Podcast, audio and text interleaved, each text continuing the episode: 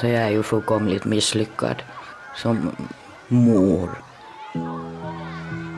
Man kan liksom inte uppfostra. Utan man kan ju bara visa exempel. Bara ett gott exempel.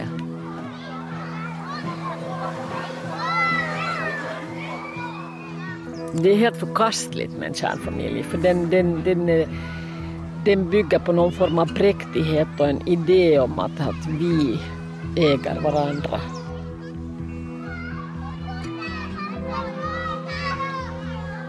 Månadens dokumentär ger Älskade, hatade, mamma. En dokumentär om moderskap med Krissa Venehjelm och Sue Lemström av Annika Sylvin Reuter och Jyrki Häyrinen.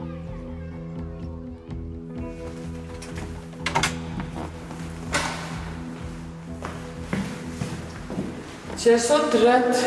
Jag brukade med vet du, hålla på och dansa så här sent på natten. Deras gig börjar klockan tolv på natten.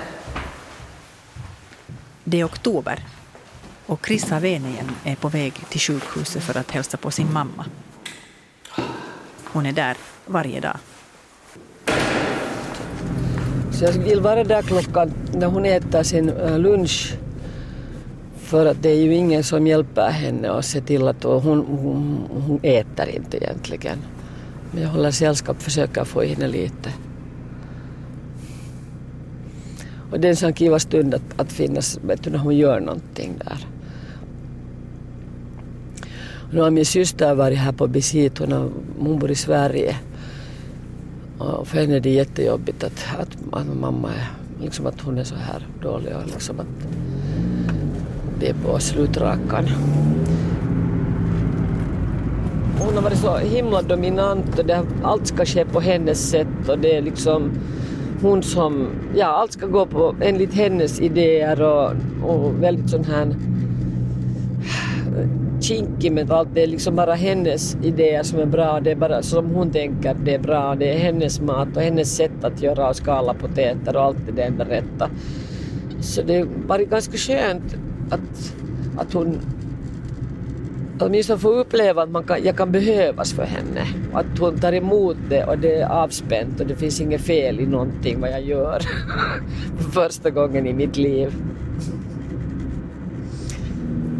För att jag har varit ganska irriterad och, och till och med arg över den där situationen. Och så det är som, till och med arg över den där situationen. Och så det är som bortblåst nu min ilska kring, kring det här styrande och ställande och dominanta beteendet.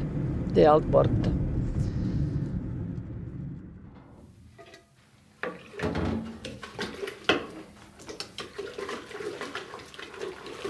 Min mamma hon var alltså huvudpersonen i vår familj. Det var mamma. Allt, allt kretsade kring mamma. Det var mamma. Mamma var en... Hon var prinsessan, stjärnan, spelevinken. Den charmiga, den söta, den livliga. Man kunde liksom inte... På något vis kunde man ju inte tävla med henne. Hon var den underbara. Min pappa tror jag avgudade henne också.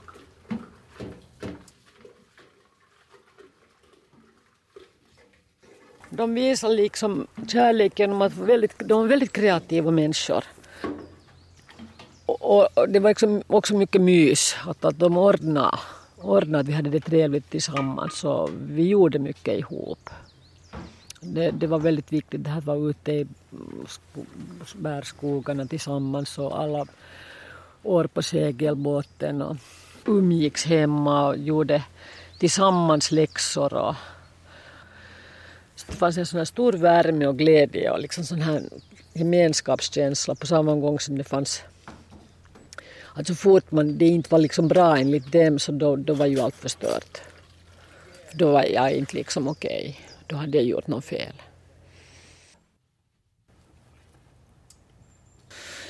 Och jag kände mig som den där fula ankungen, en sån där fuling. Hon har tittat på mig med kritisk blick hon vet exakt varje gram jag har gått upp eller ner.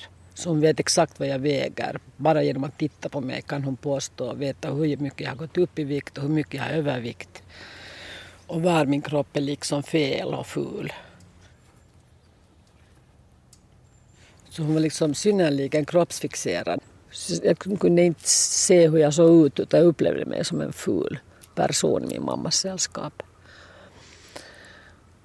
Och hon, var så, hon var väldigt levande och väldigt liksom full av emotioner. Så det var liksom upp och ner och hit och dit med känslorna. Och det var mammas känslor som man måste ta i beaktande precis hela tiden.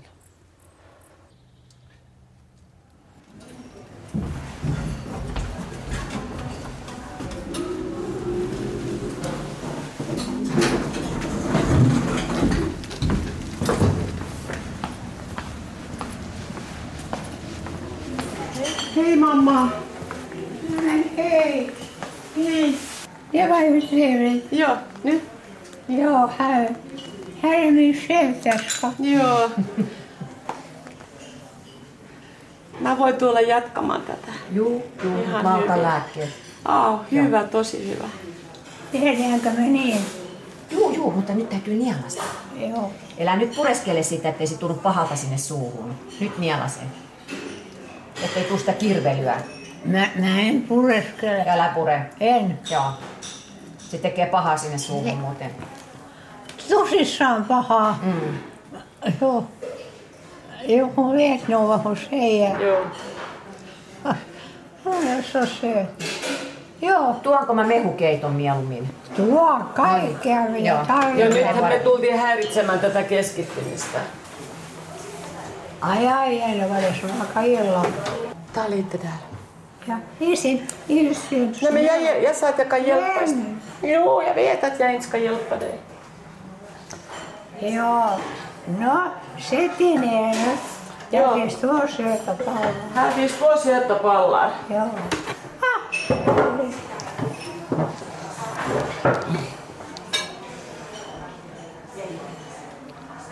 Jag vet inte.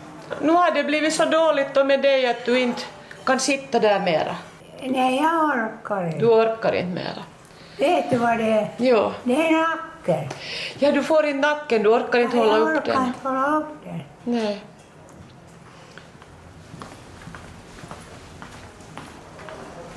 På något sätt så kände jag mig ändå ensam alltid. Jag kände mig som, jag hade en sån fantasi som många barn har, att man är liksom ett hittebarn. Att jag har liksom blivit en, bort, att jag är en bortbyting, det var ett sån favoritfantasi. För jag har aldrig känt mig att jag hör hemma i den där familjen. Jag förstod aldrig vartifrån jag kom. Och att jag inte var liksom deras barn.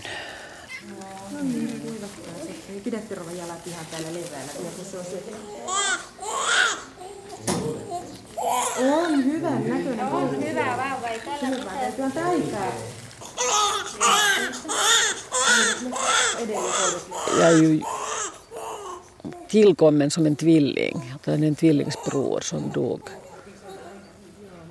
några dagar förstår jag innan födseln. Och min mamma har aldrig, liksom kom, hon kom aldrig över den här, den här broderns död. Det, det, det liksom påverkar hela hennes liv. Hon led av den till slutet. Och, och på den tiden var man så rågrym så, så hon, sa, hon upprepade alltid liksom det här att, att när han föddes först då, den här döda och så lyfte de upp honom och hade sagt hautaatteeksi tämän itse. Hon förstod ingenting, sa hon, att hon förstod ingenting att var en död levande eller hur är det?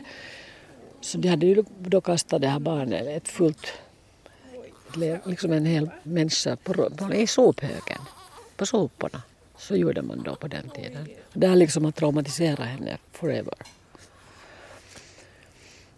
Liksom min pappa har aldrig uttryckt ett ord. Jag har försökt någon gång fråga.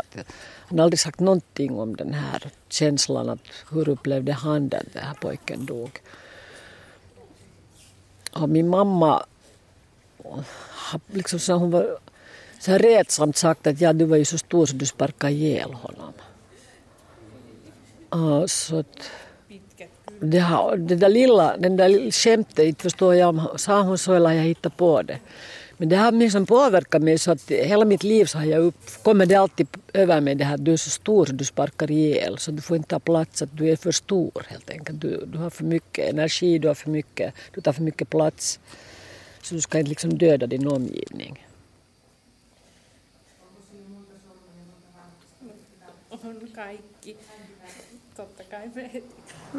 Jag vet inte varför de sätter alltid min, min säng så otroligt snett.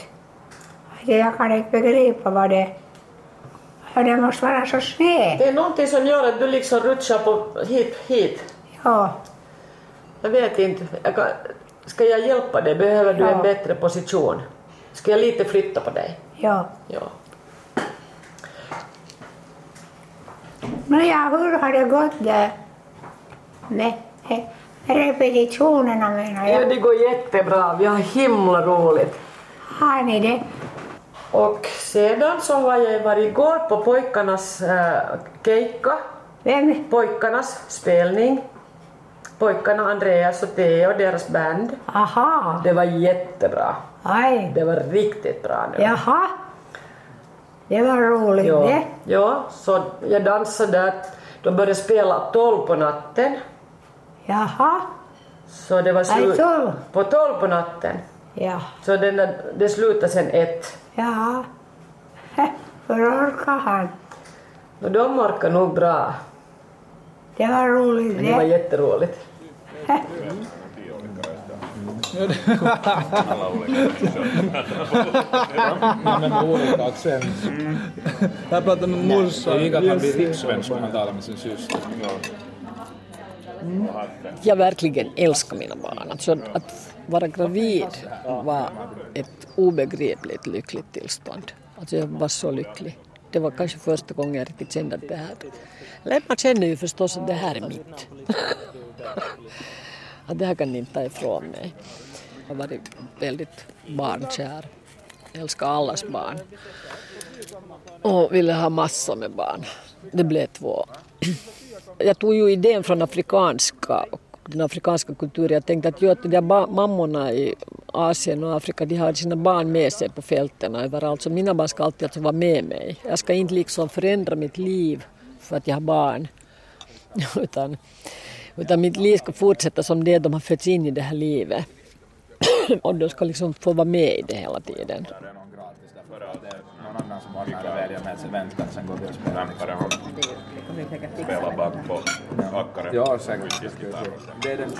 Mina barn har levt i ett eh, väldigt oordnat hem, totalt ett, enligt alla finska uppfostringsmetoder åt skogen hem. För att det finns, de har alltid själv bestämt eh, vad de äter, hur mycket de äter, när och var och hur.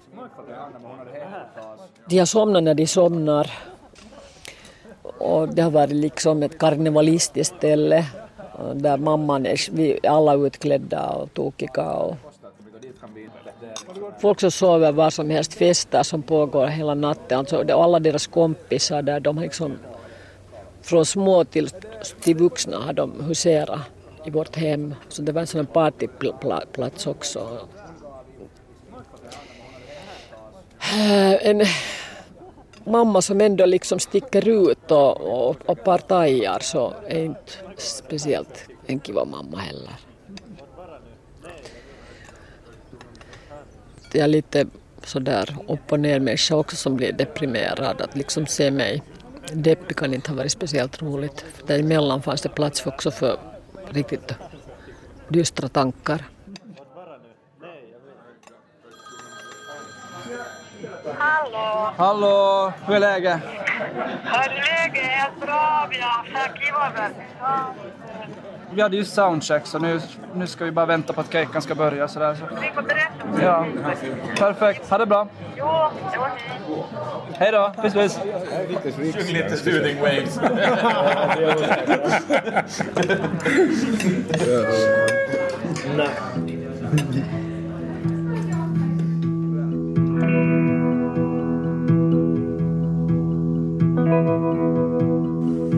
Jag hade en väldigt svår pubertet och tonårsperiod och, och kanske liksom hela min unga vuxet liv så har jag varit väldigt destruktiv. Jag har velat utplåna mig själv, jag har velat ta livet av mig själv. Jag har ju försökt det också. Och jag hatar mig själv. Att det är ju först nu, helt på de senaste åren jag har lärt mig att tycka att allt är okej, att jag är helt okej. Liksom på något sätt bli av med den här självhatet, självföraktet. Det hände hemska saker. Jag blev väldigt trakasserad i skolan. när jag, Typ då, efter 12 åring när jag kom in i, så, som det hette, samskolan, så blev jag fysiskt sexuellt trakasserad i några års tid och det var en mardröm av ingen like. Och det här kunde jag inte berätta mina, åt mina föräldrar eftersom det var ett sexuellt trakasseri. Man pratade inte om sånt på den tiden, alltså det fanns inte. Så kunde jag inte berätta vad jag var utsatt för heller. Så jag var liksom bara på det här i hemlighet och kunde inte tala med någon människa om vad jag blev utsatt för. Och sen så blev jag till sist våldtagen av mina klasskompisar. Och det här gjorde mig sen då, det här var liksom, då, då utbröt ett kaos inom mig. Som inte sen på den resan är jag nu.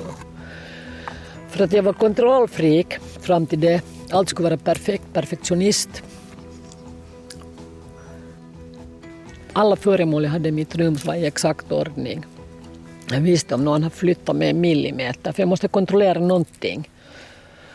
Så det var mitt, min egen värld kontrollerade jag så att jag kunde ha koll på mina föräldrar på något sätt hade rört någonting av det som är mitt.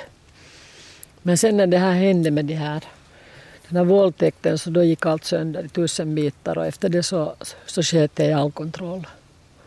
Då fick allt fara, då, fick liksom, då blev jag kaotisk till mitt sätt. Jag blev råddig. Jag blev nog också kreativ förstås, men det har det alltid varit. Jag slutade skolan. Och jag började umgås med så här finska knarkare och sånt här. Jag gillade människor som var utanför samhället och rymde mycket. Och folk som bodde på stranden och jag umgicks med dem och så umgicks jag med knäppa typer på Lappviken. Jag liksom skolkade från skolan och var på Lappvikens sjukhus istället. Där jag fick vara.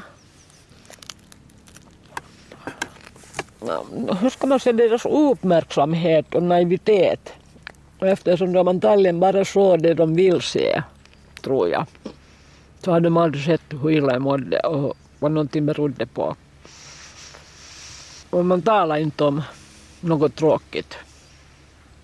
De har aldrig liksom, om jag skulle säga allt det här nu åt min mamma som jag berättar, så skulle hon säga att jag hittar på att herregud Kristina vad du hittar på. Nej men herregud, Herregud vad du hittar på. Att du, vartifrån får du dina idéer? ja, det här är liksom det att inte, se, inte liksom stå ut med den tråkigare sidan av livet. Det var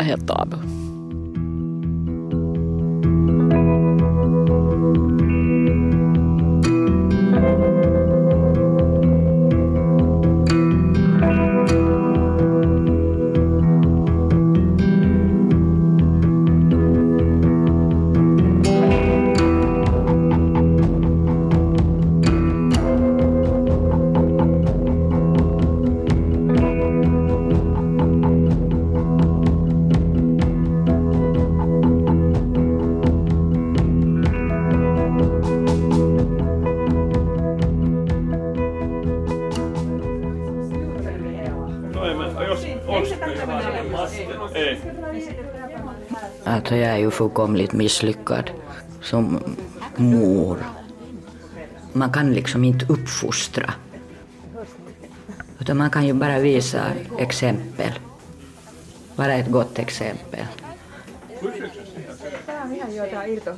Niin, mutta siis kun me to, Eikö tämä ole riemutta, joo joo, että tässä tulee niinku yksi... Linda. Vi är på Svenska Teatern. Sue Lemström står och provar sina scenkläder. Linda! Ai suvuitsen Jeesaa, kun mä oon lihonnut. Mutta tää on vaan harjoitus. Elikkä Saako tämän kiskaasta? Alla tror att jag är så jäkla mager när jag är så här loranko benrangel. Men sen min mid, det, de strategiska måtten är 70, 70, 70. Ja, det är inga mycket kurvor där. Att man har liksom ett jobb som man älskar och man skulle göra det fast man inte skulle få pengar. Så skulle, men att man dessutom fick liksom fyrk för det, inte var det ju mycket fyrk, men att det, det räckte. Men då när man hade fast jobb, så man liksom, man gick i den där fällan att man började kompensera med pry, prylar och så här för att man var så mycket borta. Han var väl något fem år. Så var det ju när jag tänkte att herregud min kommunikation med mitt barn så det är bara stig upp, stig upp, klä på dig, klä på dig. Och sen nästa var klä av dig, klä av dig, gå och lägg dig. And that's it. Så att, klä av dig, klä av dig, gå i säng. Och så när mamma läser nu för mig, ja mamma orkar inte läsa nu, jag är för trött. Jag läsa en sak, alltså det kostar, det tar nog inte så hemskt mycket på det men det, det, jag är nog väldigt egoistisk.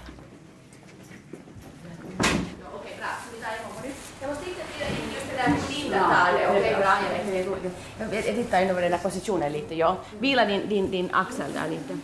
Min mamma var inte dominant, men hon var mycket sådär att det var kritiskt. Att, och just att min syster var väldigt så här duktig på att göra allting rätt, men att, och min bror också för all del. Medan jag då var lite att när ska du tänka konstruktivt, sa hon väldigt ofta åt mig. Och, och sådana saker. Och då kommer jag ihåg hon sa, men hördu, du har nog lyckats med en sak, att Mats är väldigt trygg i sig själv. Och det där borde hon ju aldrig ha sagt, för då började jag att lämna honom ensam om natten och stack ut på krogen. För att man någonstans man hade sånt behov av att socialt liksom träffa andra människor. Och så var det en natt som han, min pojke hade vaknat och sen hade han ringt upp till mormor när han inte, mamma var hemma. Så när jag kom hem från krogen så då sitter min mamma där och då var ho, ho, ho. Men då var hon jättediplomatisk och fin min mamma. Hon sa bara att Sue, att kom ihåg att du får aldrig, att du ringer till mig i så fall, du får aldrig lämna ett barn ensam. Usch. No ei, mä, jos olisiko Johanna maske? Ei. Jag är så otrygg. Den här tryggheten, eller närmare sig otryggheten som har funnits ända sedan då jag var fem. På grund av att, att eh, min pappa dog. Och då, då for liksom mattan under fötterna rycktes bort. Jag minns ingenting om min pappa. Och jag har liksom på något sätt omedvetet förträngt det hela. Allting, så jag, kommer, jag kan inte förstå folk som säger att, att de kommer ihåg när de var tre år gamla. Eller fyra eller så här. Ja, och jag minns ingenting.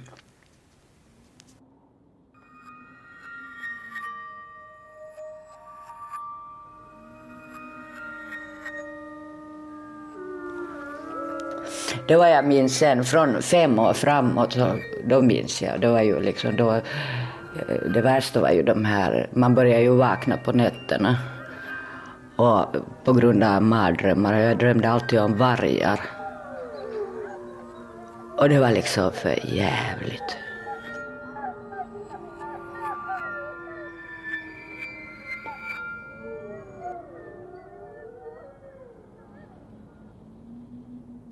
Och så har vi en sån här stor lägenhet. Ett sånt här gammalt hus med, du vet, högt i tak. Och, och, och så var barnkammaren, som det kallades, där jag och min syster delade. Och min bror också i början, sen fick han ju, när han kom, liksom blev tonåring. Så eller vad man, så när den ekonomiska situationen lite hade lättat för min mamma, för hon blev då ensam med, med tre barn och ingen, hon hade ju varit hemmafru.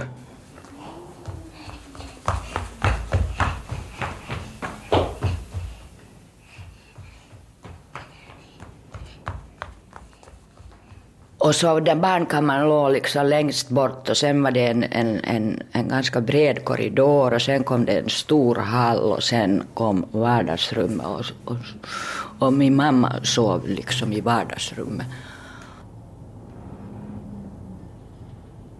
Och fan när man ska, man visste att där kommer de där vargarna att hoppa på en, att de dyker ut. Att, att hur ska jag kunna ta mig dit?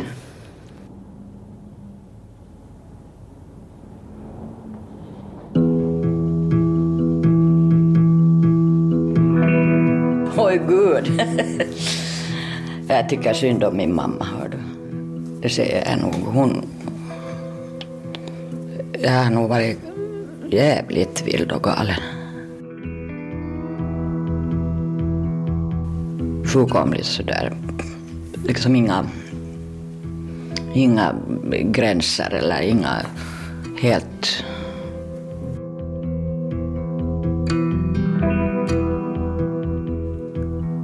var, nog, det var nog helt tydligt att nu hade man ju något skyddsänglar där med sig för att nu var det ju, råkade jag ju ut för sådana saker som det kunde ha gått riktigt illa men det var alltid sådär tjutt tjutt man klarade sig igenom situationerna på något vis men man hittade nu på någonting och improvisera.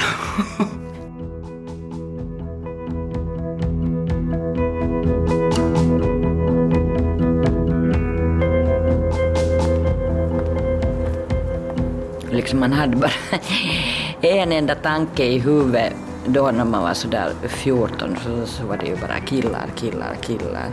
För, för ingen, inga killar liksom tittade på mig.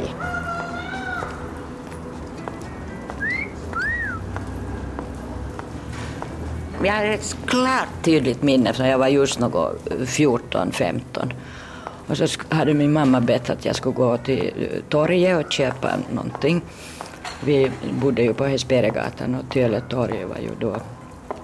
Och så går man upp för den där Runebergsbacken och så ser man på långt håll att där kommer tre killar emot mig. Liksom så här just sådana här 15-16-åringar, liksom jämnåriga. Så man blir ju lite liksom så här. Nå, inga bröst hade man och inte har man ju nu heller precis men det var liksom helt platt. Och det här, men det var ändå liksom gud, det var, och så kommer man där och så passerar man de där killarna och sen när jag just hade gått förbi dem och så hör jag hur en av dem säger liksom bakom ryggen då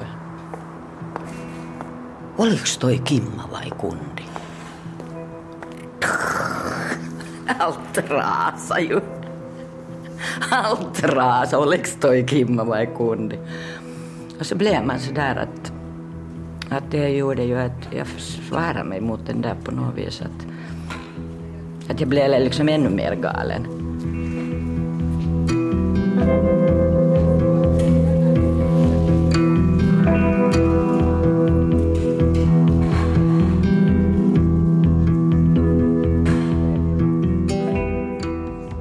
Som 17-åring så tände man ju på första gången. Alltså rökte brass och marijuana och hasch och, och tyckte att det var löjligt den där som tog sig sin lördagsfylla.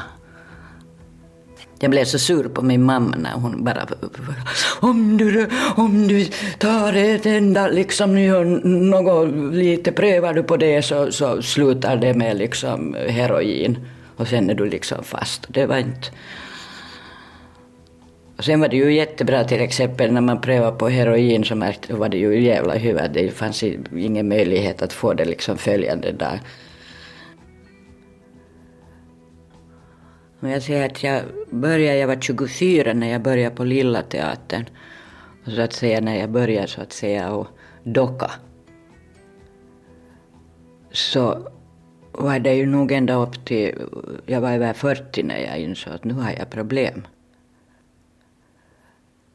Och min son var nio år när han berättade för min mamma att han måste gå och söka hem mamma från krogen när han berättade åt mormor. Och min mamma, jag blev... Åh, oh, vad jag var arg på henne. Att hon, inte, hon berättade aldrig åt mig att han hade sagt det. För hon trodde att han fantiserade.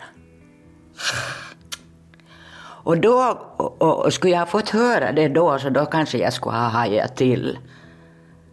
Men det var inte förrän något tio år senare som jag började märka att hej.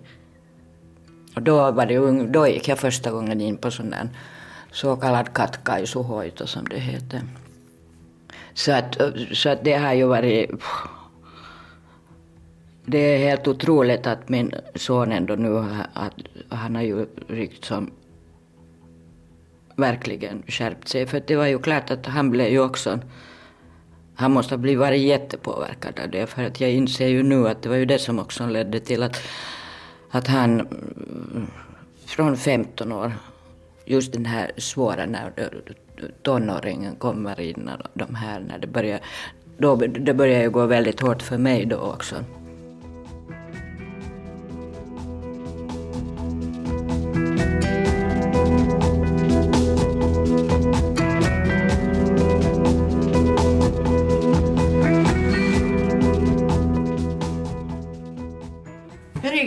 Ringer Mats och se vad läget för det ser du. Vi ska se.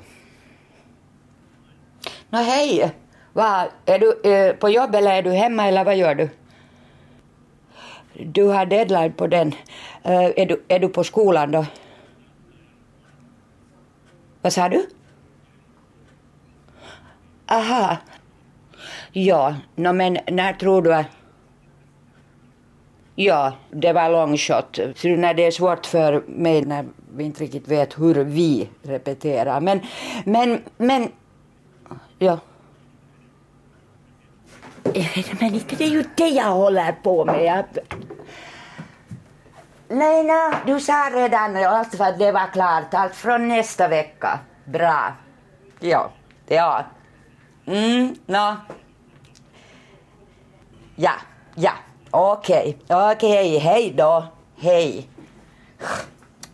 Oh.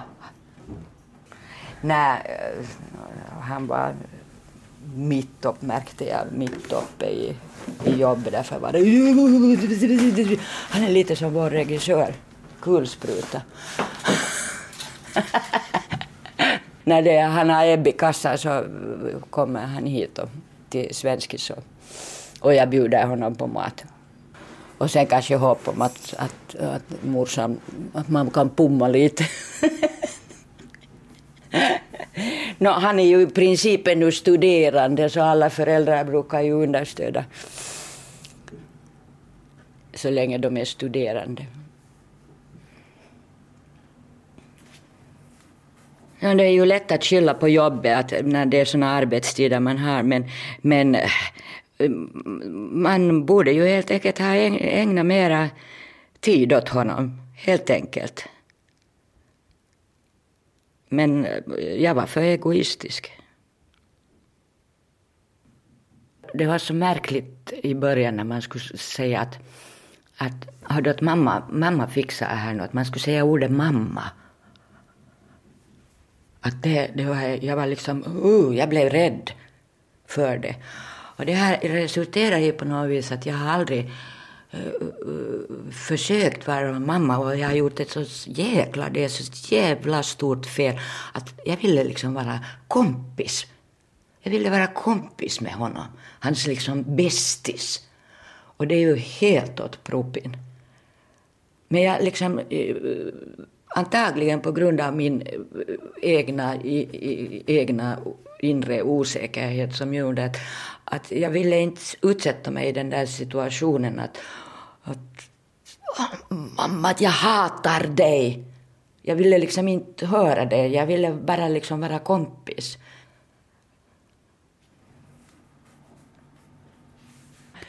Så var jag alltid jätteglad när Mats, eh, för att han är väldigt social och, och han har massa vänner och så, och alltid när, när hans vänner sa att, att vitsi, att, att, att tosi Matsi Mutsi, se on tosi make muija. liksom, då är man liksom, men eh, Mats antagligen har lidit jättemycket av det.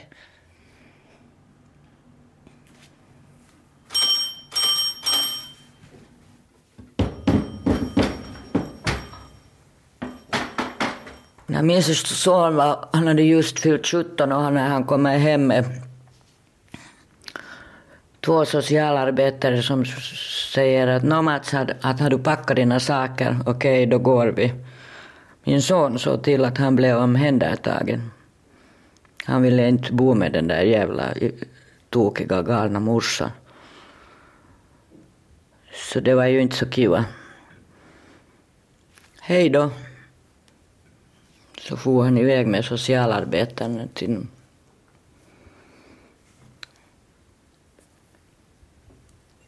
No, det var ju liksom det största misslyckande som man någonsin har hänt mig.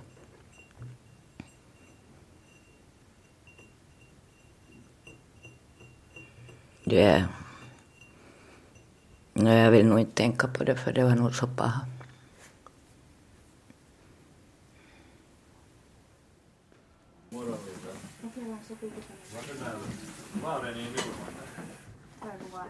Eh, jag vet ju att han, han tycker om mig.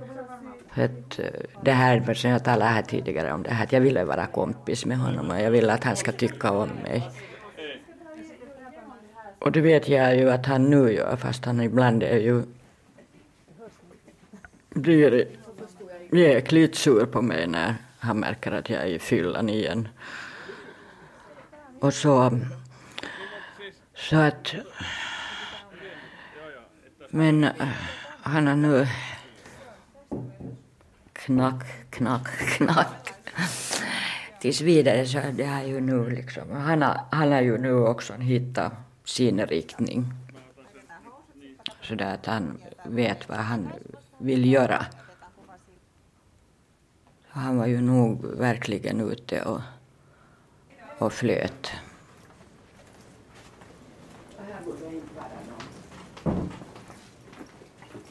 Aj nej, alltså nu är man ju varit så, ja, man har nog gjort så illa åt honom.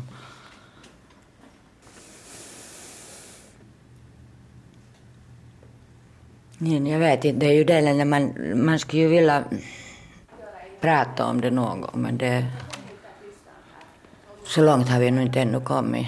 Eller att det, vi talar förbi varandra, det gör vi. Det hjälper ju inte att, att liksom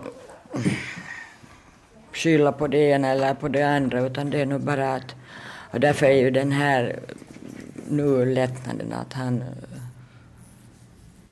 att vi har på något sätt nog ändå nu någonstans en sån där respekt för varandra. Och, och jag blir ju jätterädd när jag, någon, när, när jag märker att han är liksom i har druckit. Men jag tror nog inte att han på det sättet dricker mer än vad nu de normala vet du, unga människor gör. För min son är faktiskt jättefiffig och det tycker väl förstås alla föräldrar men att när jag nu tänker på hans pappa som hade nu en så utbränd nedmosad hjärna av alla kemikalier och droger och alkohol. Och, och jag är nu sådär normal fiffig så jag tycker att han är, han är väldigt smart så, så han vet nog precis vad det är fråga om. Så här med att, att, att, att jag tror att Mats kan dra sådär att han inser nog att om han nu börjar liksom att släppa på samma sätt som, som mor och far så, så han vet vad, det, vad konsekvenserna blir.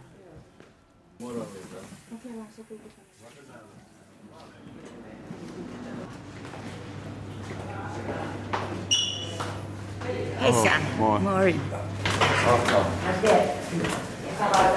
Hej Frida! Morjens. Hur är läget? Bra, själv. Är det? Yes. Vi var ju nästan en och en halv månad på resa. Han och jag och han är då liksom 34. Eller han fyllde 34 när vi stack från Miami hit tillbaks. Och jag fyllde 66 när vi for. Och det var jätte, det var en fin resa.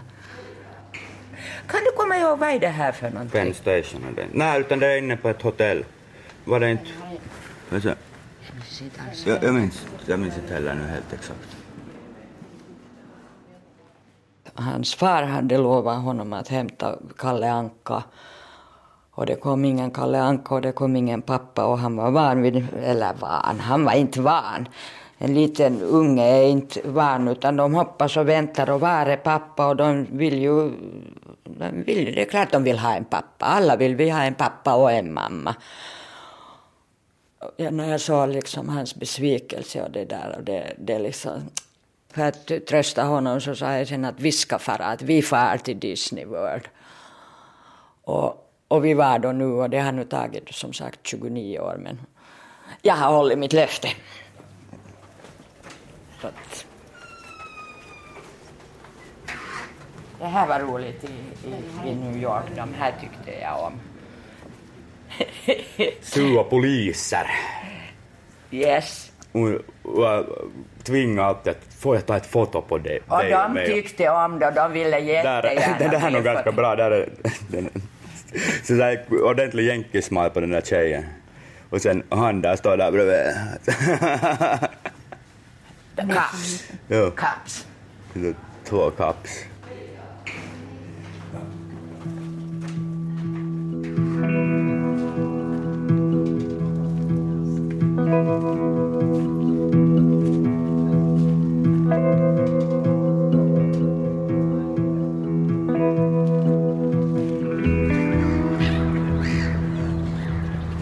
Nu när mamma är borta så på en gång så försvann ju all irritation. Jag ser alla de positiva sakerna då, så att man kan säga att efter att hon har dött så har hon blivit, har hon ju vuxit. Men att i ett långt liv med en förälder så ryms det ju en massa saker och människor förändras under livets gång. Också ens föräldrar. Och jag liksom går inte in och blir bitter eller sånt här på min historia. För jag, jag kommer nog ihåg att jag har varit så, så ofta så arg att jag har tänkt att du har förstört mitt liv. På många sätt. Ja, inte kan jag förklara. Men det är det här livfulla i henne som jag saknar. För det är ju när hon for så blev det ju ganska tomt och dött. Men det är ju intressant hur jag ändå kan liksom sakna så mycket. För att jag har ju inte haft den. Det är ju den mamma man har som man har. Som man både liksom behöver eller saknar och är förtvivlad över och förbaskad på och sånt här.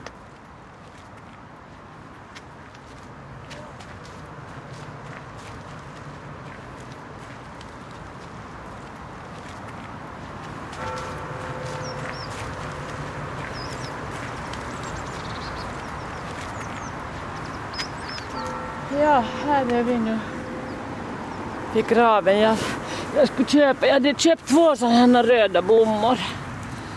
Men nu är de hemma. Jag har glömt spaden på stugan.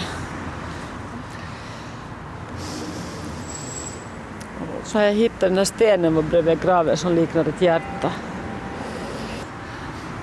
Så jag tycker om att vara här.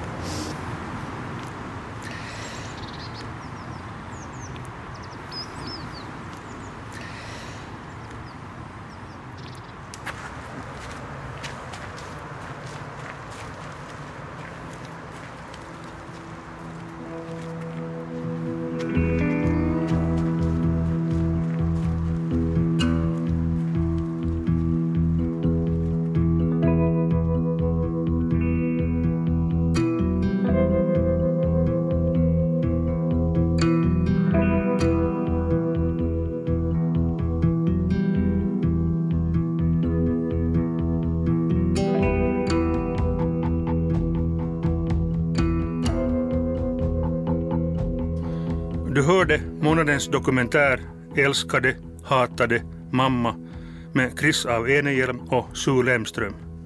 Programmet gjordes av Annika Syrvin Reuter och Jyrki Häyrinen.